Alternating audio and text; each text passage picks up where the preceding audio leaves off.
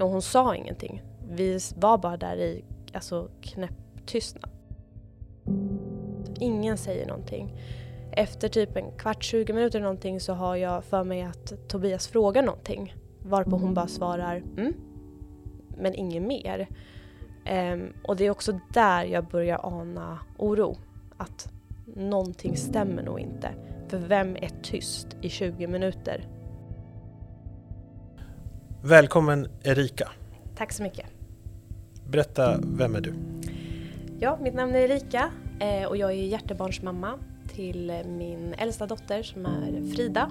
Hon är tre och ett halvt år. Eh, men jag är också mamma till eh, min lilla Saga som är ett år. Och sen är jag ju också fru då till Tobias. Mm. Ehm, så ja, det är jag. Ni har hållit ihop länge, Tobias och du? Ja, det har vi. Vi träffades i gymnasiet. Vi gick mm. inte i samma gymnasieskola då, men vi träffades under gymnasietiden då. Sen mm. har vi hållit ihop sen, sen dess då. Och, och bott i samma trakter har jag förstått Ja, också. vi bodde ju i grannbyarna kan man ju säga ja. eh, egentligen. Söder om Stockholm? Ja, mm. exakt. Mm. Eh, så att, eh, ja, och vi båda två spelade ju innebandy i mm. samma klubb. Så ah. vi har ju alltid haft koll på varandra. Ännu bättre. Ja, exakt. Eh, så man hade väl alltid koll på varandra, men mm. eh, aldrig liksom riktigt pratat, utan mm. vi fick chansen på eh, under gymnasiet egentligen att, att mm. prata och träffas och sen har vi egentligen hållit ihop sen dess. Mm. Du har också en innebandykarriär bakom dig. Ja. Ett VM-guld. Mm. Helt otroligt. Ja, det är det. det Eh, man glömmer lite ibland att kanske tänka tillbaka på vad man faktiskt har gjort, men det, det är många år av mm. hårt slit mm. eh, som elitsatsande och sådär. Det är totalt ändå 20 år i, alltså i, som jag spelat innebandy, mm. men ungefär nio år då i, i högsta ligan och verkligen liksom hård elitsatsning då. Mm. Så att, eh, men det är också kul att se tillbaka vad mm. man har åstadkommit. Häftigt. Jättehäftigt. Men det kanske också är lätt att skjuta åt sidan när man börjar få barn? Och ja, ja, men det var väl lite så. Man började spela, jag, jag hade väl liksom inte direkt någon tanke på att eh, gifta mig eller skaffa barn. Fokuset var ju liksom eh, innebandy. Men sen så när man liksom har hållit ihop så länge så som Tobias och jag har så kommer ju de tankarna.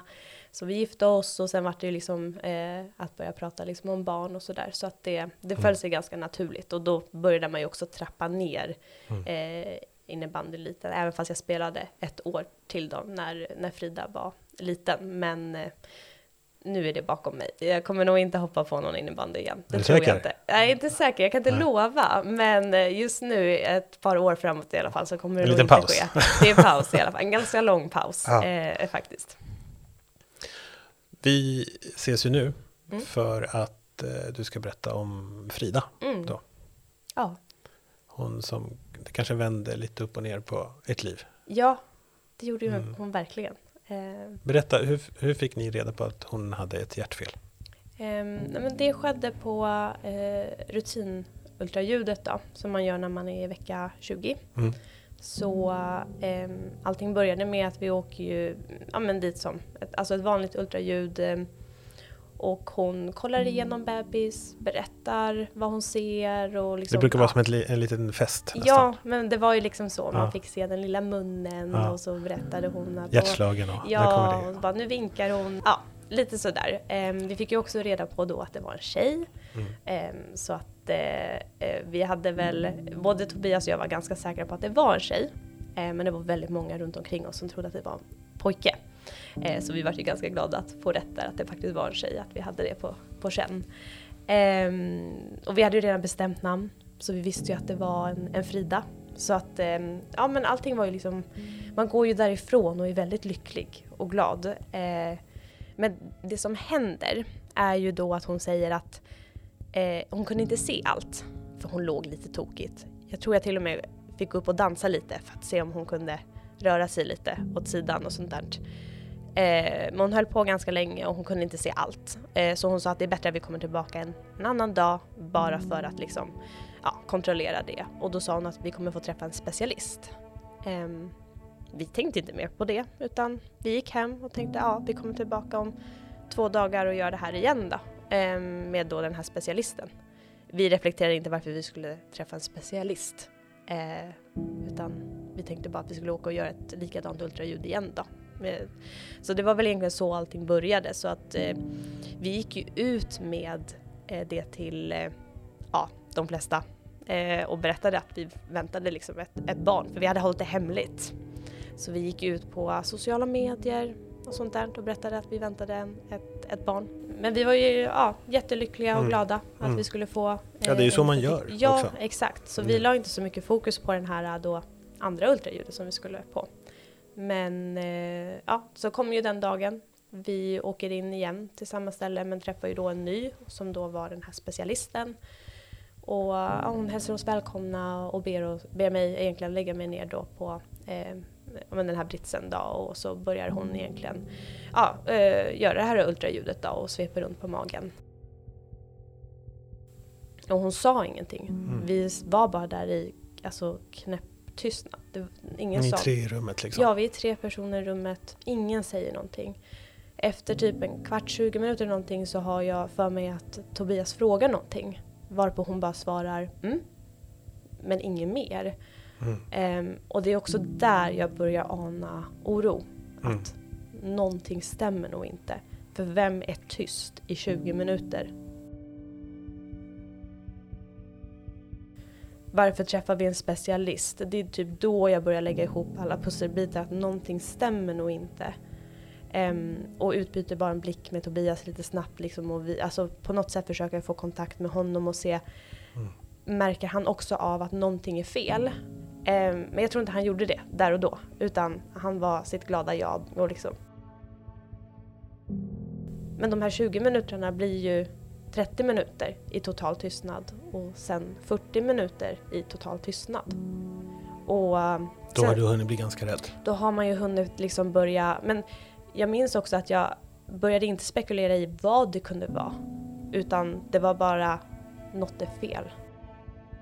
Och jag hinner väl knappt sätta mig upp innan hon säger att eh, eh barnet kommer inte överleva.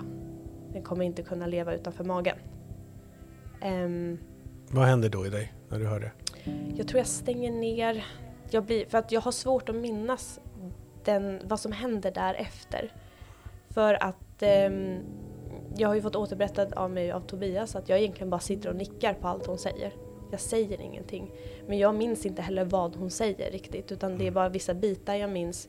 Så att jag tror att jag hamnade i total chock för det var inte det jag var beredd på.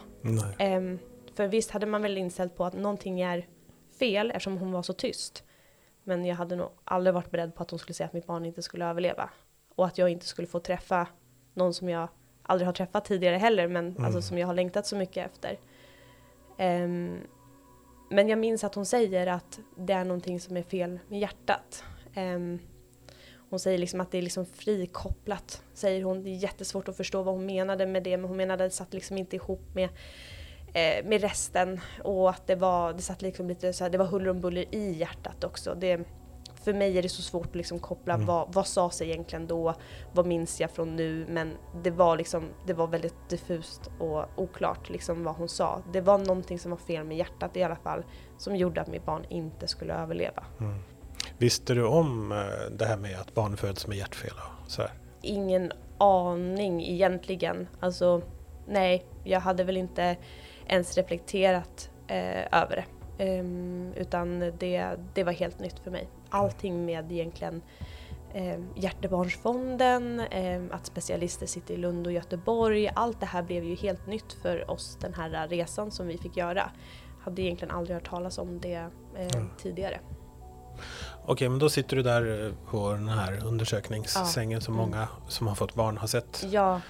Eh, men du går ju inte ut med den känslan som de flesta som har varit där har. Nej, nej precis. Jag minns att eh, Tobias tar mig i armen och liksom lyfter upp mig som att nu är det dags att gå. Så eh, jag minns ju inte exakt hur samtalet avslutades men det är liksom dags att gå. Han hjälper mig på med, med jackan och jag vet att när jag tar på mig jackan så säger den här specialisten att eh, vi har en kurator om ni behöver prata.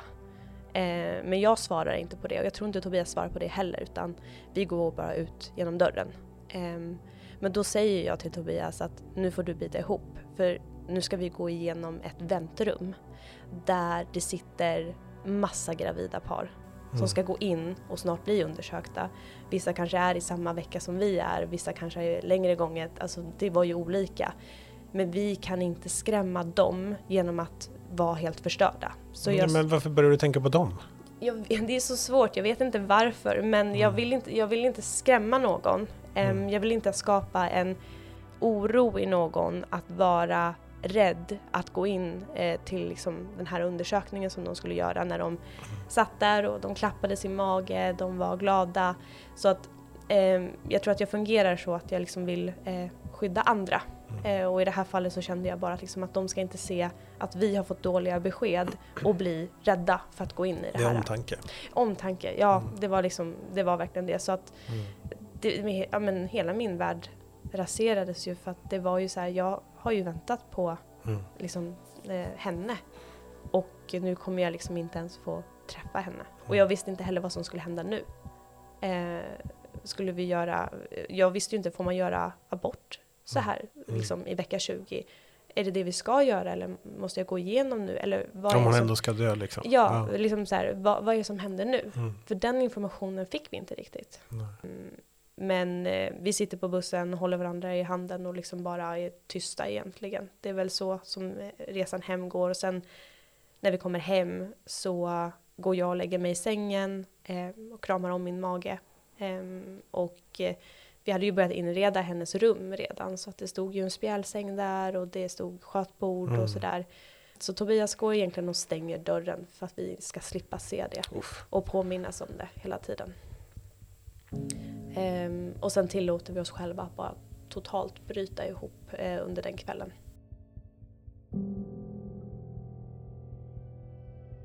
Det var också svårt att förstå när jag liksom låg där i sängen och jag kände ju hon sparkade. Hon levde ju där och då. Mm. Men jag skulle aldrig få se henne i liv um, utanför magen sen. Och det var också liksom svårt att förstå liksom, och ta in för hon lever ju faktiskt här och nu. Hon finns ju. Hon har ju Eh, man börjar liksom tänka det här att hon har ju ett hjärta som slår, hon rör sig ju, hon, hon kan få hicka. Alltså mm. det var så här, hon är ju faktiskt en person och nu ska hon dö.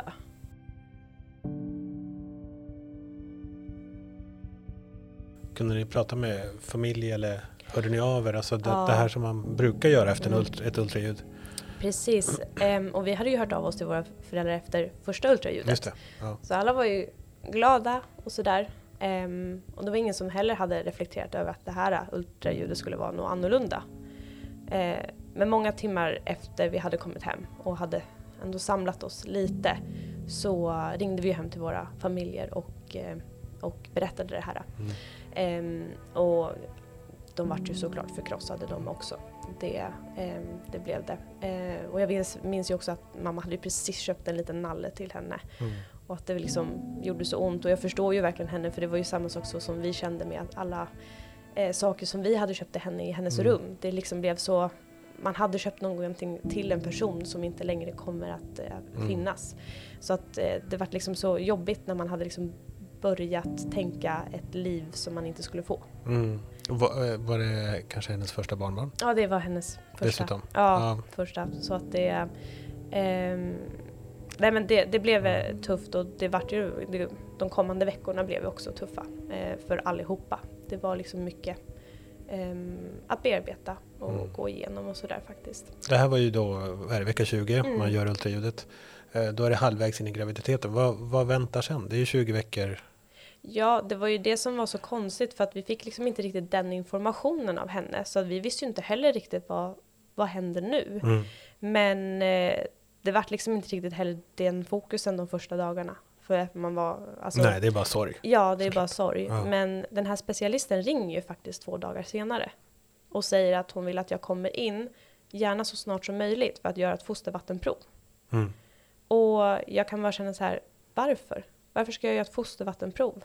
Mm. Och då förklarade hon att eh, för, att säkerställa att det inte är någonting genetiskt. Så om ni vill få fler barn i framtiden mm. så kan vi kolla nu om det här är någonting som kan eh, hända igen.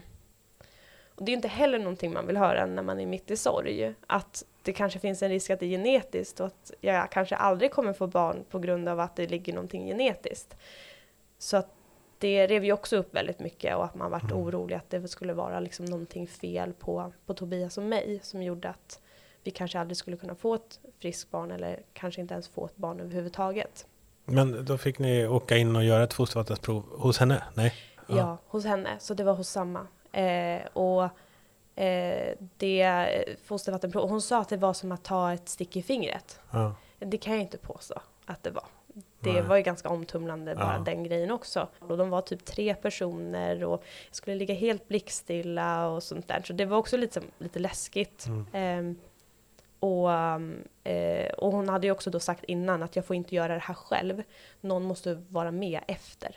Eh, och tyvärr så var eh, Tobias iväg just den dagen så att jag ringde min mamma. Så det var min mamma som var med egentligen då. Mm.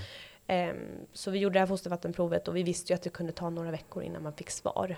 Så att eh, ja, vi gjorde det och sen så ehm, ja, fick vi bara invänta de här svaren då egentligen. Så att hur, hur, snart efter samtalet var ni inne och gjorde provet? Kommer du ihåg? Jag tror att det bara var typ så två eller tre dagar. Det var okay, ganska, det var, ja. ja. hon ville göra det fort. Mm. Men hon sa inte varför hon ville göra det fort. Hon Nej. ville bara göra det så snart som möjligt. Men då fick jag ju också lite mer information om att eh, vad sen abort är för någonting och hur mm. man gör det. Um, och att jag behövde bestämma mig. Jag kommer inte ihåg exakt vilken mm. vecka det var, men mm. det var ändå, jag hade no någon, några veckor på mig i alla fall. Eh, en sen abort är inte liksom, det är inte som när man bara tar liksom en, en tablett när det är väldigt tidigt, utan det var ju ändå också liksom typ, typ av ingrepp ja. och då fick jag bara ren eh, panik och jag började googla det och det gjorde bara saken värre och sen mm. så ja, det blev det bara liksom jobbigt och de, hon hade också berättat att man kunde läcka eh, fostervatten, vilket jag började göra, så då började jag få panik över det. Så den dagen var ju också bara liksom en berg och dalbana med känslor om vad som hände. Mm. Sen var det ju också så här, jag kommer inte ihåg vad hon sa, det kunde vara liksom upp till fyra veckor innan vi ens fick resultaten på det här fostervattenprovet. Mm. Så tiden började ju rinna ut om man skulle göra sen abort. Mm. Um, men vi fick svar ganska snabbt. Och det var inget genetiskt. Utan det var en slump att det här hade hänt. Mm. Um, och det är ju klart att man blir glad att det var en slump och att man ändå ser att det finns en, en möjlighet i, i framtiden att kunna liksom skaffa barn. Mm. Samtidigt som det känns så fruktansvärt orättvist att slumpen skulle falla på oss och att vi inte skulle få vårt barn. Mm. Det, ja, man kände att det var orättvist. Inte för att jag tycker att någon ska drabbas av det här såklart. Men det kändes där och då som att det var så orättvist mm. att vi hade drabbats av det. Mm, mm. Det är ganska, kanske jättenaturligt att Ja, så. det tror jag absolut. Ja. Mm. Okej, då har ni fått reda på att om ni vill skaffa barn igen så behöver ni inte vara rädda. Nej, lite så. Exakt. Um, Men vad händer med Frida i magen? Ja, det är ju det att den här specialisten ringer då igen efter vi har fått de här eh, provsvaren och säger att hon vill skicka oss till en hjärtspecialist. Um, vilket jag inte heller förstår varför jag ska gå, genomgå det också. Mm. Um, med tanke på att återigen, att mitt barn inte kommer att överleva. Mm. Um, men jag går med på det. Vi åker till Karolinska i Solna, eh, träffar två fantastiska eh, personer som tar emot oss och förklarar för mig liksom att eh, den här undersökningen kommer ta ungefär 40 minuter. Eh, jag kommer vara tyst under undersökningen så att jag verkligen kan fokusera på det jag ser eh, och sådär. Så att man kände verkligen att man var i trygga händer. All, allting var liksom väldigt bra och sådär. Ehm, och de här 40 minuterna var ju så här, eftersom jag visste att han skulle vara tyst så var det inte så mycket mer med det. Men eh, jag visste inte heller vad jag skulle förvänta mig vad, vad var det för, jag skulle antagligen få svar på vad för hjärtfel det var då. Eh, men jag hade ju liksom tänkt fortfarande att ja, men vad, vad spelar det för roll? Mm. Lite så. Ja, man, hade, för, ja. man hade, så här många veckor efter hade man hunnit bli lite avtrubbad. Att mm. liksom, jaha, vad spelar det för roll? Mm. Jag var ju redan inställd på att vi skulle göra sen abort. Eh, för att eh, jag orkade inte gå igenom hela graviditeten och, och liksom på det sättet. Men de här 40 minuterna går um, och återigen hinner jag knappt sätta mig upp innan då den här läkaren säger att det finns en chans att hon kan överleva. Den är liten, mm. men den finns. Då hamnar man ju i chock igen, fast på ett annat sätt. Eh, så att då var det också så här, man bara satt där och kunde typ inte ta in det. Vågar du tro på det? inte direkt när han sa det. Det var som på något sätt som att, jaha, men hur liten chans och hur stor chans? Alltså, vad innebär, hur, hur stor risk var det att hon inte skulle överleva? Vad, om vi nu lyckades med den här då lilla procenten att hon skulle överleva, vad var det för liv hon skulle få? Alltså, det var mycket liksom tankar som eh, började snurra men de var helt fantastiska med hur pedagogiska de var. De tog fram ett papper och ritade hur ett normalt hjärta såg ut. Sen ritade de hur Fridas hjärta såg ut. Va, eh. va, va, hur hjälpte det dig? Vad kände du då? Jag bara satt och tänkte, hur kan kroppen göra någonting sånt här? Ja, hur kan det ha blivit så här liksom, fel? De kallar det ju liksom missbildning. Ja. Det är ju vad det är liksom. Um, men de förklarade också att uh, på grund av att hjärtat har gjort så här så har också kroppen automatiskt gjort um, hål i, i skiljeväggen som gjorde att hjärtat fungerade som det ska.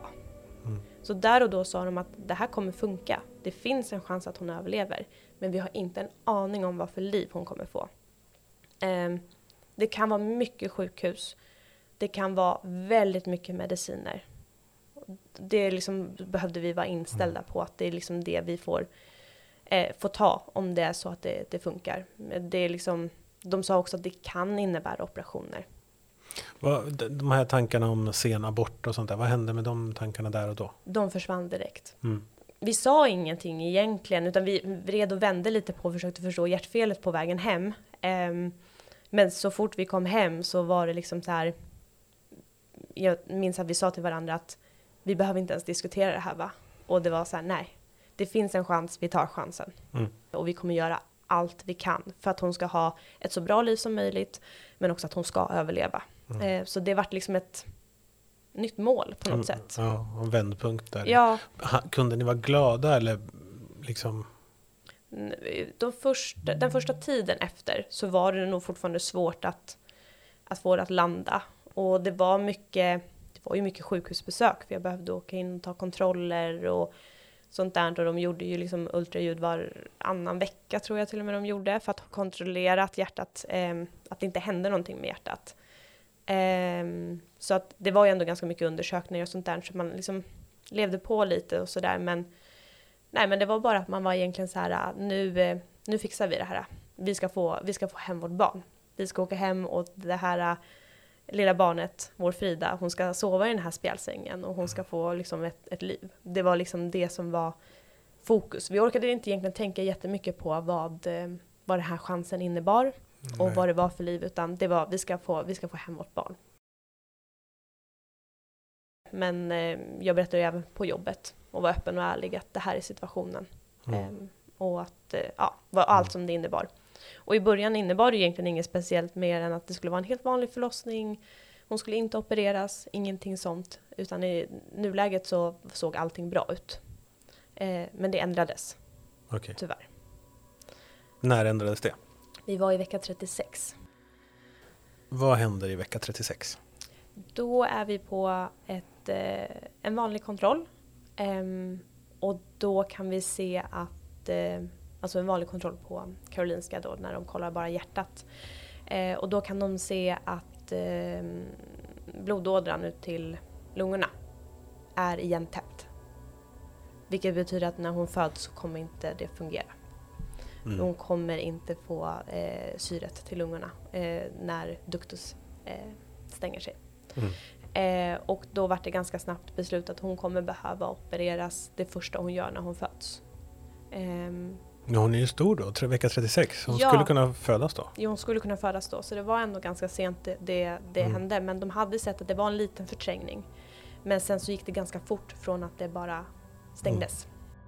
Det var då jag var introducerad av vilka Lund är och mm. vad de gör. Mm. Det hade vi inte pratat så jättemycket om innan. Men det var då jag fick information om att alltså specialisterna sitter i Lund och Göteborg, mm. men Stockholm tillhör Lund. Mm. Så att... Eh, där opererar man i, i Lund och Göteborg opererar man barn? Ja, exakt. Ja. Det, är liksom, det är där specialisterna håller till och att de är fokuserade på eh, barnhjärtan och mm. att kunna operera det. Så att eh, ehm, de berättade egentligen eh, alltså mer om vad, vad som händer där och att det, eh, operation berättade de också att de tror att det skulle vara så att vi skulle behöva operera in en, en shunt. Eh, men det sa de att det får kirurgen i så fall bestämma. Vill du berätta vad shunt är? För de som en shunt är en BT-shunt. Det är liksom ett litet plaströr som man sätter för att leda om blodet. Så leda egentligen förbi från den här förträngningen.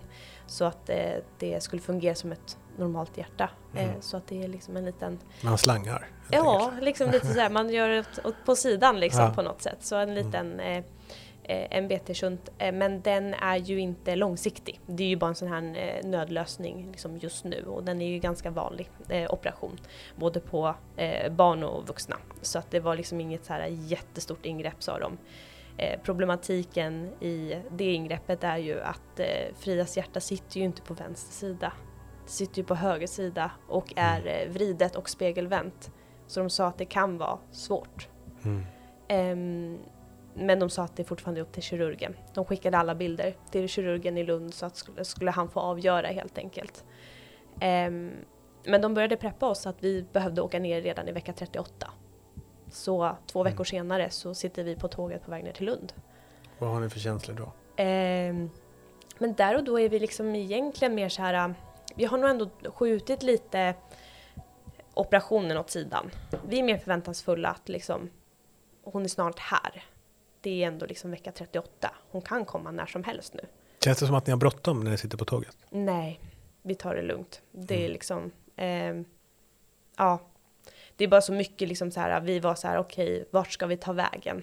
Eh, så att det var så här efter... Vi Rent praktiska saker? Ja, precis. Då? Mer praktiska. Så här, efter tåget, vart ska vi gå? Ja, vart exakt. ligger sjukhuset? Hej Lund, vi är här nu. Ja, exakt. Ja. Lite så. Så det var egentligen det som var största fokuset vi gick långa promenader och liksom upptäckte Lund. Det var mm. väl liksom det. Vi försökte liksom tänka på annat än det som komma skall. Vi tar det när det är dags. Så. Det är den här perioden som jag märker att många hjärtebarnsföräldrar har just här. Många från Stockholm då har väldigt, ska man säga, tydlig relation till Lund. Ja. Alltså Lund är en stad man typ känner. Ja, men Lund är min andra stad på något ja, sätt. Det ja. Men jag gillar Lund. Det är en otroligt mysig stad mm. och det finns väldigt mycket att se.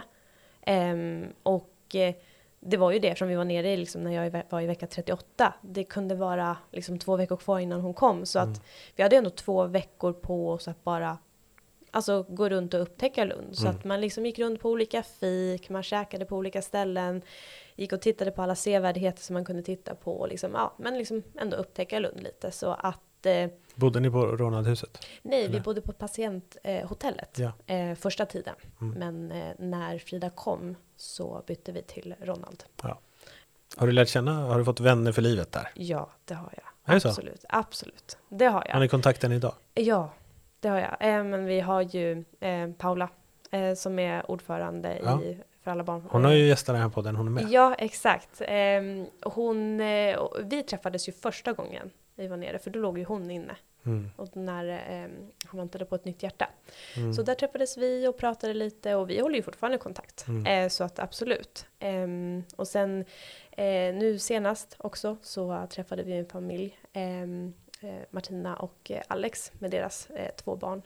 Och de gör egentligen, de har ju inte likadant hjärtfel men de går igenom samma resa med mm. operationsföljden som de ska göra. Okay. Nu var de här två familjerna till exempel mm. Eh, hjärtebarnsfamiljer, men vi lärde också känna många som hade andra, eh, det var för tidigt födda barn eh, och det var allt från eh, hjärnoperationer och allt, allt möjligt liksom. Det var väldigt, väldigt mycket eh, mm. olika saker, men det är det som jag kan tycka är så fantastiskt med Ronald. För när vi allihopa sitter där och de flesta kanske äter frukost eller middag eller sånt där vid samma tid så var det ändå liksom att man kunde vara glad och trevlig och mm. prata om saker. Man tillät andra att berätta om sin resa, man fick prata om sin egna resa. Man Utbyte. kunde vara öppen. Ja. Mm. Eh, barnen kunde leka med varandra och sådär. Så att eh, jag tycker liksom här, även fast det var en jobbig tid, allting man gick igenom, så var det faktiskt väldigt eh, trevligt att liksom ha andra familjer runt omkring sig.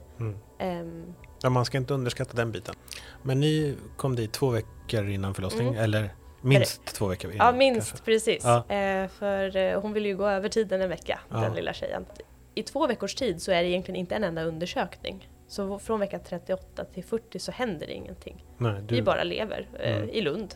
Mm. Eh, liksom lite så.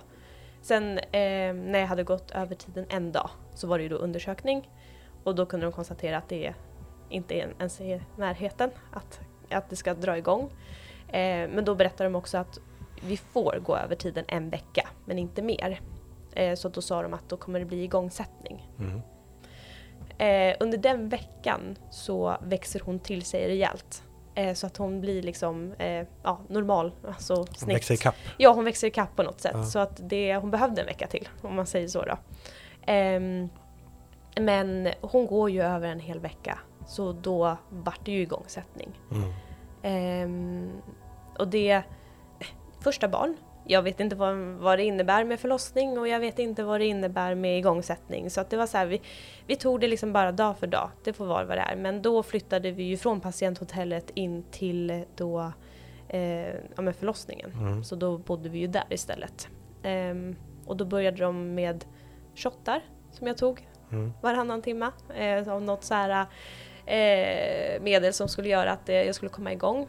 Eh, de gjorde ju absolut så att jag fick sammandragningar men det hände ju ingenting. Mm. Så igångsättning hade jag i två dagars tid innan det ens hände någonting. Jag var nog jag var taggad på förlossningen. Jag tyckte att det skulle vara spännande, Mm. liksom hela den, den biten. Och de hade sagt det att det kommer vara, ehm, hon kommer inte behöva operera sig första hon gör, men när hon föds kommer hon behöva gå iväg till eh, neonatal det Mm. första hon gör. Och Tobias skulle följa med henne. Så det var ändå ganska strukturerat Mm, mm. Eh, på den biten. Jag, det skulle inte bli det här traditionella, man får bebisen till bröstet och liksom sådär. Utan det är så här, de kommer behöva ta henne och gå direkt. För de behöver koppla in henne med eh, lite sladdar och slangar och även eh, ge henne en medicin som gör att duktus fortfarande håller sig öppen. Men där och då var jag såhär, nej men nu fokuserar jag på att jag ska få ut henne. Det är förlossning. Så att nu fokuserar jag på det och jag fick ju ingen smärtstillande. Det, ehm, Ni hann inte mer. Nej, vi hann ingenting. Jag fick ingenting. Så det var verkligen noll, eh, noll smärtstillning och ehm, det var ganska eh, ja, tradigt där ett tag. Eh, tills hjärtljuden började försvinna på henne. Mm. Och då var det ju akut istället. Ehm, och då kommer två läkare in. Eh, de ringer också in mer personal.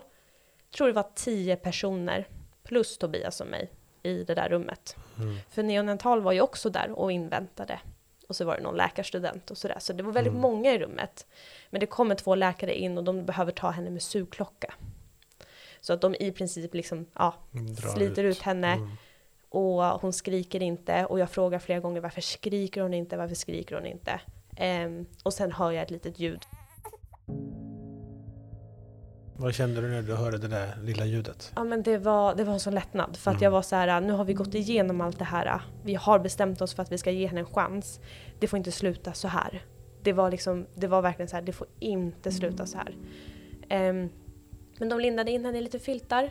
Och sen fick, eh, höll de upp henne mot mitt ansikte, så gav henne en liten puss. Sen Mm. så gick de iväg med henne. Och då låg jag ju där och bara väntade tills jag kunde typ Mm. få gå och träffa henne då. Var det någon som berättade vad som hände med henne under den tiden? Nej, jag visste ingenting. Nej. Jag hade ingen aning om någonting. Jag hade inte ens min telefon för den hade Tobias. Ja. Så att jag, jag hade liksom ingenting. Jag bara låg i ett rum. Ehm, tills jag plingade in någon och sa att nu vill jag träffa mitt barn. Och då får jag egentligen träffa henne för Mm. första gången på riktigt. Ehm, Minns du hur det var?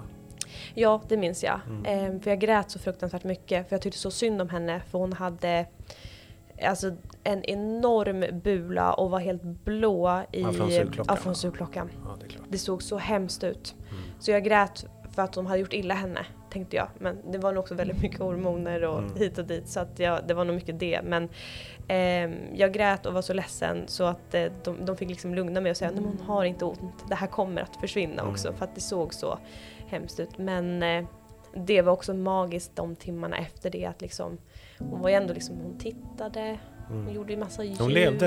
Det trodde Ja, du inte 20 veckor nej, innan. Det var liksom så här, hon, hon var där. Och Ja.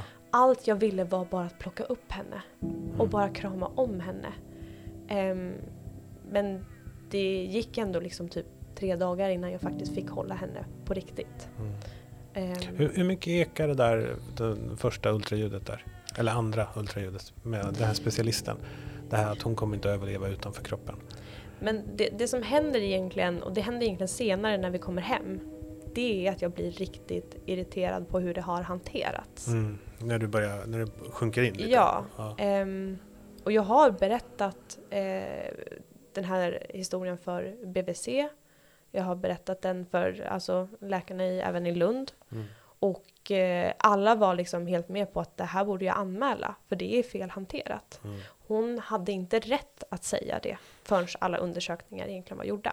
Nej. Så hon hade inte den rätten att säga det och att vi har gått igenom eh, onödigt mycket trauma i, fast vi inte hade behövt göra det. Mm.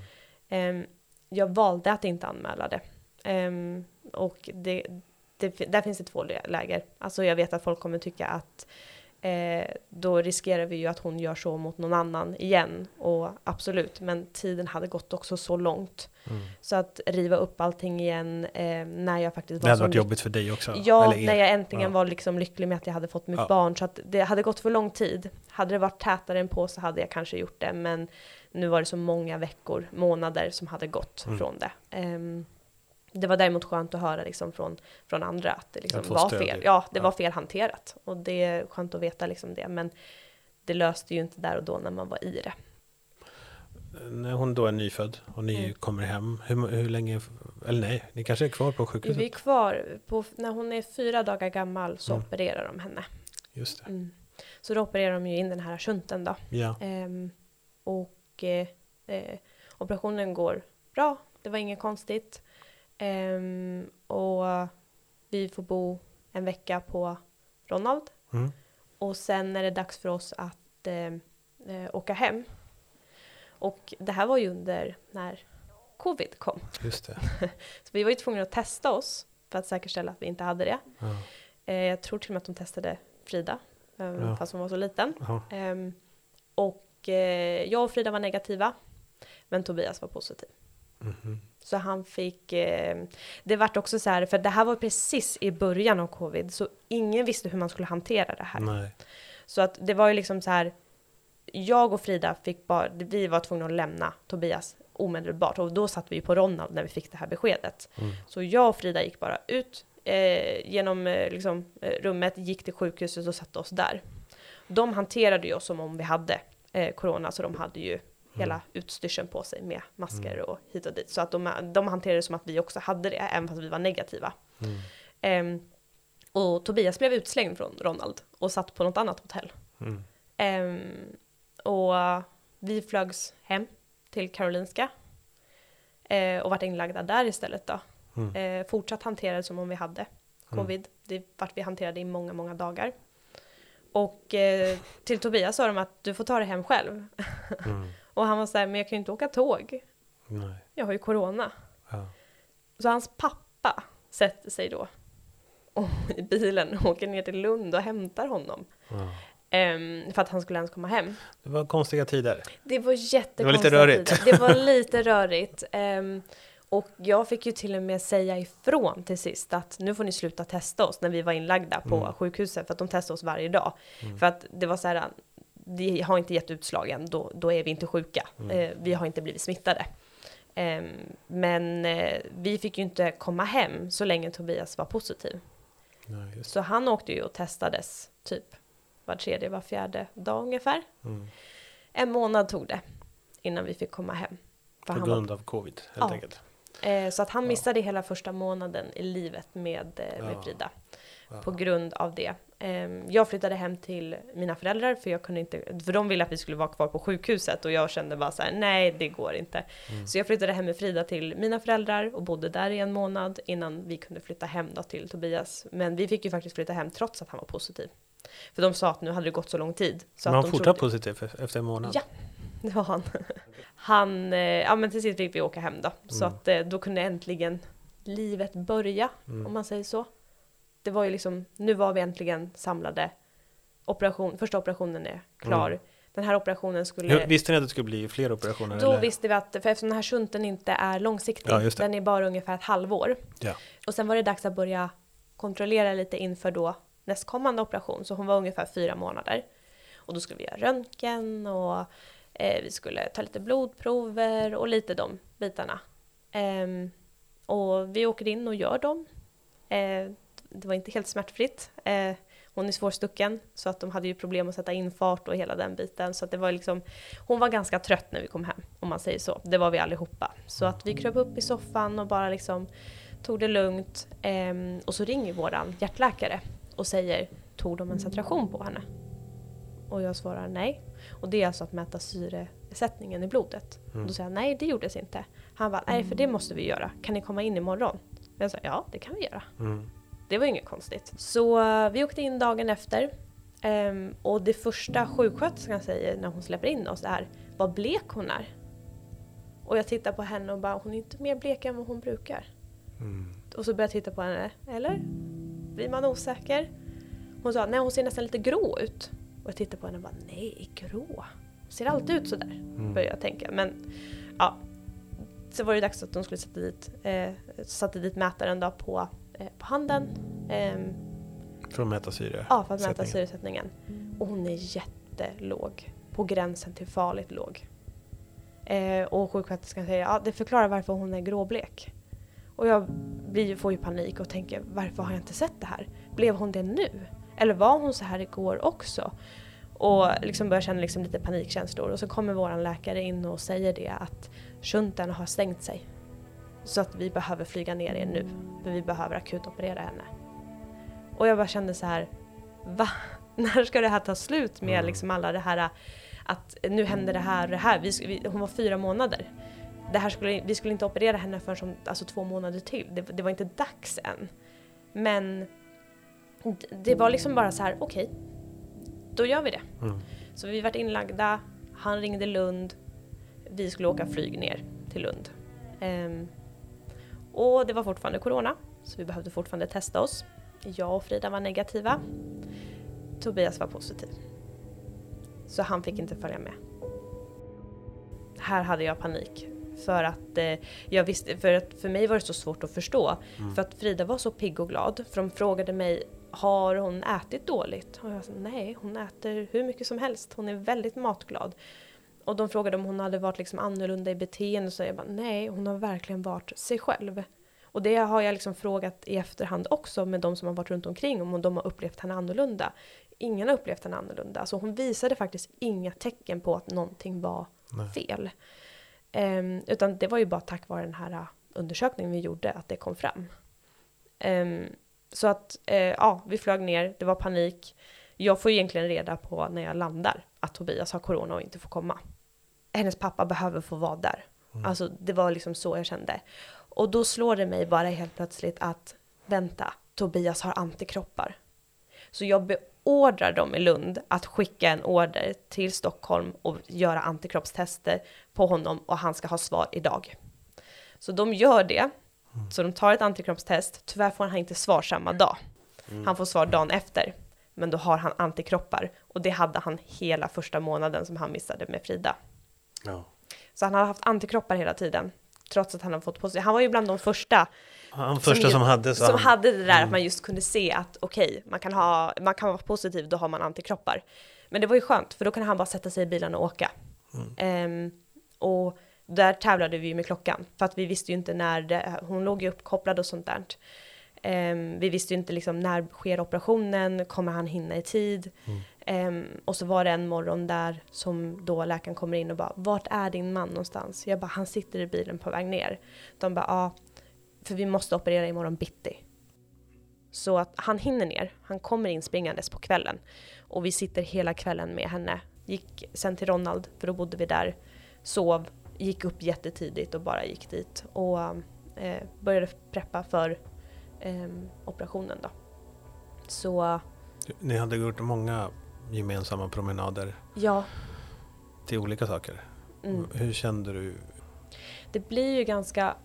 Eh, det är ju lite ångestladdat för att man brukar, när man är där så pratar man om någonting som heter eh, den blåa slussen. Mm. Och det är en dörr som man öppnar när man säger hej då till sitt barn när det är dags för operation. Um, och det, allting blev ju ångestladdat igen liksom när man fick se den där eh, blå slussen igen. För det är verkligen en blå dörr du går in i. Jag hade ju gått in eh, med Frida första gången när hon skulle opereras. Jag bar henne in, la henne på operationsbordet. Ehm, är där tills hon blir sövd och sen går jag ju. Ehm, och jag hade liksom ehm, pussat på henne och sa mamma och Mm. pappa är här när du vaknar. Jag bar in henne igen till det där operationsbordet. Jag la henne där igen och jag pussade på henne och sa mamma och pappa är här när du vaknar. För andra gången. Ehm, och sen så, ja, ehm, Tobias och jag gjorde det redan första operationen och vi hade redan bestämt oss att vi skulle göra det på andra operationen också och det är att sysselsätta oss. De ringer ju när de är klara och det där är också så speciellt för man vill inte att de ringer för tidigt för då har ju någonting hänt. Mm. Man vill inte att de ringer för sent så för då har ju också någonting hänt. Så de får gärna ringa prick på klockslaget som Mm. de har sagt, det vore det bästa. Första gången ringde de ganska exakt på klockslaget ehm, men andra gången eh, ringde de mycket tidigare. Men de berättade att allting hade gått jättebra. Ehm, så att eh, om en timma kunde vi träffa henne. Och återigen, det var ju coronatider så att man var ju tvungen att turas om. Vi fick ju inte sitta tillsammans med henne, man fick ju bara vara en i rummet på, på intensiven. Så att vi fick ju turas om med att gå in och träffa henne. Så att eh, eh, jag gick in och tog fem minuter, sen gick han in och tog fem minuter och sen så gick jag in igen och då satt jag lite längre. Och sen ja, byttes vi av och sådär. Ehm, så hängde man mycket på avdelningen och bara väntade tills man skulle bytas av. Så att det var lite speciellt det där. Ehm, men det var skönt att se henne ändå. Sen är det, det är obehagligt att se alla sladdar och slangar och mediciner och hur hon ser ut sådär liksom direkt efter operationen. Men hon levde. Det var liksom väl det som var det, ehm, det, det viktigaste i det hela. Mm. Och att allting hade gått bra. Mm. Ehm, det blev ju också lite akut för de visste ju inte ens vad för operation de skulle göra. Så att de fick ju ta ett ganska snabbt beslut för de hade ju tänkt planera till att hon var sex månader var för operation. Så att de fick ta ganska snabba beslut nu när det blev akut. Mm. Ehm, men så här med facit i hand så säger de ju det att det här var det bästa beslutet vi hade kunnat ta för henne. Så det var ju skönt att det fattades rätt beslut Mm. ehm, i operationsväg. Eh, men då innebar det också att vi visste att det blir en tredje operation. Ehm, Hur, hur, hur nära in på då? då skulle hon leva det här med till att- hon var ungefär tre år. Okej. Så att nu visste vi att vi hade ja men, eh, två och ett halvt år Ja. utan nå- någonting av det här. Mm. Och det blev lite annorlunda. De gav oss en saturationsmätare hem för att vi skulle kunna kontrollera hemma.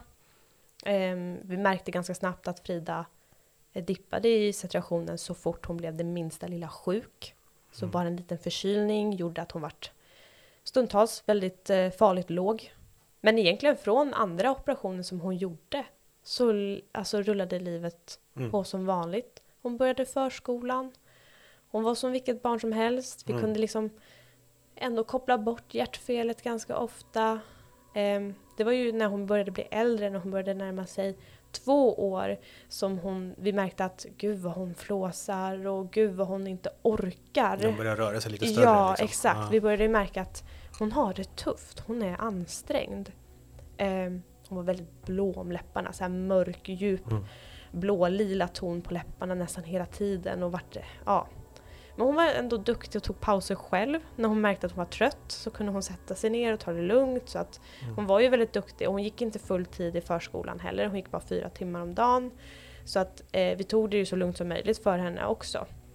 Men sen så successivt började vi märka att hon orkar mindre och mindre. Mm. Och nu orkar hon ju knappt gå. Vad, vad händer nu? Och då skickades vi till ett arbetsprov. Och det visade sig att bara för henne att sitta och leka så dippade hon något alltså enormt. Mm. Så hon orkade ju inte längre. Hon hade ju liksom Vad berodde det här på? hon hade vuxit så pass bra ehm, så att det var dags för nästa operation. Ja, den kom tidigare. Den kom tidigare än planerat. Mm. Eh, hon skulle ha gjort den nu egentligen. Om det Ja, hade det. följt planen så skulle hon ha gjort den nu. Men den här gången var det ju planerat ändå. Det var inget akut. Mm. Utan vi började planera, vi pratade med Lund, vi åkte ner i lugn och ro. Skillnaden den här gången var att det var en lilla syster med. Mm. Som inte var så stor. Hon var sju månader, så hon var inte så stor som följde med. Så det var liksom lite... Det, det var mer kontrollerat. Mm.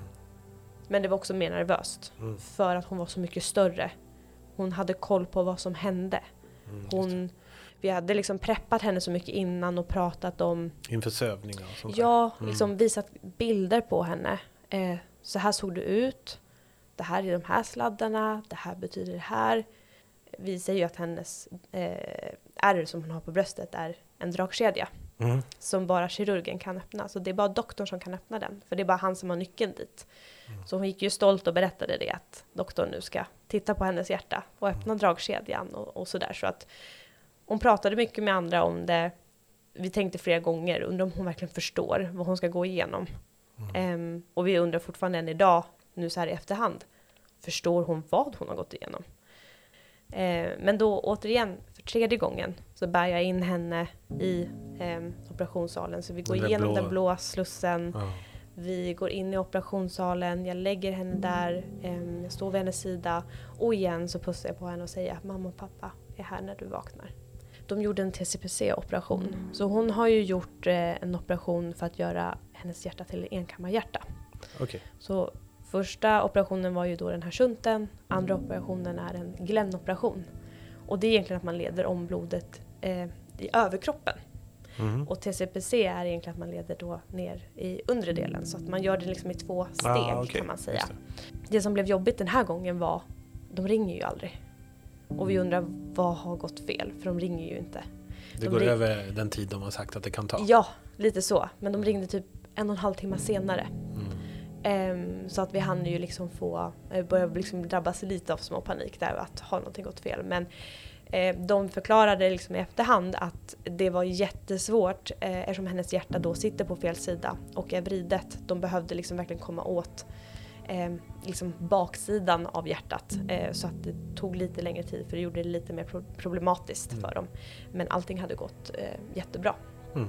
Så nu var det bara den långa återhämtningen kvar då på att, eh, men dränering och allt det där som, allt som ska Mm. rinna ut och sådär. Och det sa de att det kan vara väldigt lite i början och sen typ andra dygnet så kan det börja strömma på ganska mycket. Mm. Eh, men det gjorde det aldrig för Frida. Det började aldrig strömma på ur de här slangarna som gick ut ur, ur magen på henne. Det, liksom, det, det började aldrig så vi fick ganska fort gå från intensiven ner till avdelning. Eh, och sen därefter ganska snabbt också vart vi frikopplade från väggen och hon behövde inte, eh, alltså dräneringen bara avtog mer och mer, Ja. alltså för varje dag. Det var väldigt tydligt och det drog aldrig igång. Mm.